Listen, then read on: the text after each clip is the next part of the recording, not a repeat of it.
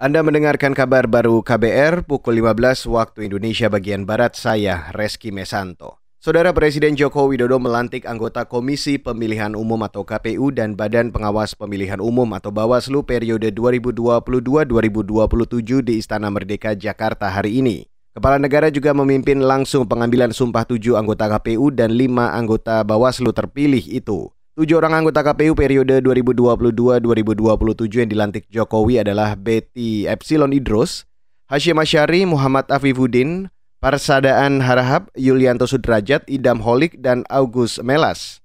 Sementara lima anggota Bawaslu periode 2022-2027 adalah Loli Suhenti, Puadi, Rahmat Bagja, Toto Haryono, dan Herwin Jevler Hilsa Malonda. Beralih ke Maluku, Saudara. Pemerintah Kota Ambon, Maluku membuka layanan vaksinasi di malam hari guna mempercepat pembentukan kekebalan komunal.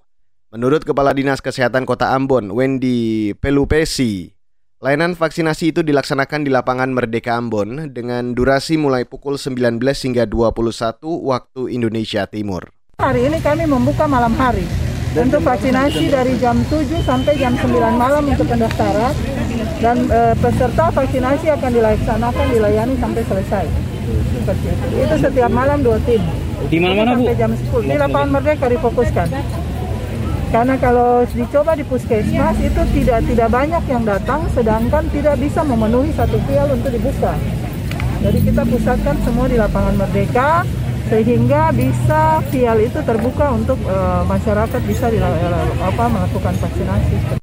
Kepala Dinas Kesehatan Kota Ambon, Wendy Pelupesi menambahkan, pemerintah terus mengejar capaian vaksinasi COVID-19, terutama bagi masyarakat yang belum mendapatkan vaksinasi dosis pertama hingga suntikan penguat atau booster. Selain itu, kata dia, vaksinasi di malam hari juga untuk memfasilitasi warga kota Ambon yang sedang berpuasa.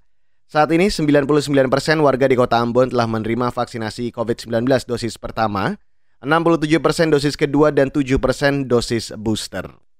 Dan saudara Amerika Serikat memerintahkan staf non-esensial di kantor konsulatnya segera meninggalkan Shanghai usai lonjakan COVID-19 di kota itu memicu penerapan aturan ekstrim pemerintah Cina.